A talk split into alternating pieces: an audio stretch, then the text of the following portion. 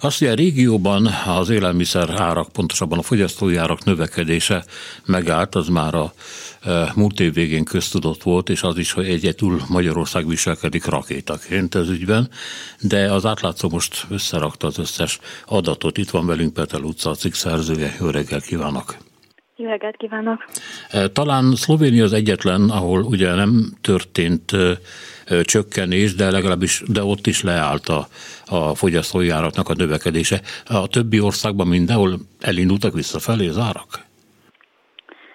Igen, az Eurostat harmonizált fogyasztói árindexét néztem meg, ami az országok összehasonlíthatóságát teszi lehetővé, és ezek alapján az látszik, hogy novemberről decemberre már mindenhol máshol lefele indultak a fogyasztói árak, ugye egyedül Szlovéniában maradt változatlan, viszont a régióban Magyarországon még mindig kitartóan növekednek, decemberre 25%-kal. Igen, ami az élelmiszerárakat, illetve az élelmiszerkosaratot, ott már, ott már 50%-nál tartunk. Mi magyarázza a régió többi országában a csökkenést? Halló? A, nem is kifejezetten a régió országában való csökkenés, hanem inkább a Magyarországon az árnövekedést ilyen országspecifikus problémák ö, magyarázzák, mint például a forint árfolyam gyengülése, mivel a forint árfolyam befolyásolja az importált termékek árát, az alapanyagárat, a magas energiárak, illetve az ástop is jelentősen hozzájárult ahhoz, hogy nálunk még ne csökkenjenek a, az élelmiszerárak. Uh-huh. Illetve évvégén több világrangsor is megjelent, ami az élelmiszerinflációt hasonlította össze, és minden esetben a top 15-ben szerepelt Magyarország olyan országok mellett, mint Libanon, Irán, Argentína. Igen, és egyéb tuti országok, de a háztartási energiadrágulás gondolom nagyon jelentős mértékben játszik ebben szerepet. Itt a régióban ez látható-e? Tehát, hogy a, a drágulás ugye nem érte el a magyar szintet. Megállt és csökkent, ráadásul, vagy pedig megmaradt a korábbi különbség a régió és a magyar árak között? Mármint a háztartási energia igen, Igen, persze, persze. Hát ez nagyon sokat dobott sajnos a, az árnövekedésen és az infláción is, igen? Igen, a háztartási energia a régi országaiban szintén csökkent, a, Magyarországon pedig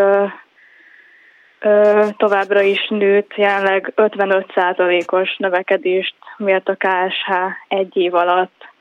Leginkább a vezetékes gáz, tűzifa, palackos gáz, elektromos energia drágulását emelték ki. Ebben a cikkben megemlíti, hogy többféle módon mérik, többféle módszert uh-huh. követnek a különféle országok összehasonlításában. Mi a különbség a KSH és mondjuk és az HICP között? Uh-huh. Ez a, ugye az Eurostatnak a fogyasztói, harmonizált fogyasztói árindexe. Igen. Igen, a fogyasztói árindex esetében beszélhetünk sima fogyasztói árindexről, ezt egy adott ország statisztikai hivatala állítja össze, a mi esetünkben ugye a KSH egy saját maga által meghatározott fogyasztói kosarat használ. Viszont a harmonizált fogyasztói árindex, ami az Eurostat mutatója, ez egy egységes Európai Uniós módszertan alapján számol, és a súlyozásnál azt is figyelembe veszi az index, hogy milyen nemzeti sajátosságokkal rendelkezik egy ország. Ez a fő különbség a kettő között, de valójában mindkettő indexáma az infláció mértékét jelzi. Azt, hogy a lakosság által tipikusan vásárolt árucikkek és szolgáltatások ára hogyan változik egy adott időszak alatt. De a számokban olyan nagyon nagy különbség nincs, ha jól értem szavait. Nem, na- nagy, nagy különbség nincsen, egyedül a az összehasonlíthatóság az, ami, amiben különbözik a harmonizált fogyasztójárindex. Most pillanatban nézzük egy nagyobb összefüggésben. A régióról beszéltünk, de most vegyük az uniót. Uh-huh. Itt 22. decemberében mekkora volt az infláció? Az éves infláció az Európai Unióban 10,4% volt, ami egy csökkenést mutat novemberhez, novemberhez képest, Kifejezetten alacsony volt az infláció például Spanyolországban, Luxemburgban és Franciaországban, 5-6 százalék körüli, és ugye az egész Európai Uniós szinten nézve is nálunk volt a legmagasabb az infláció 25 százalékkal.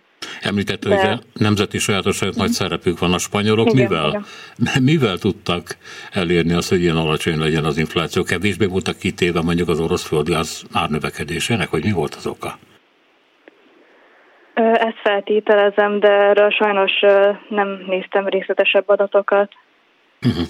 Köszönöm szépen, hogy itt volt velünk, és további Köszönöm jó reggelt. Szépen a meghívást, további jó reggelt. Peter Lucát hallották az átlátszó újságíróját.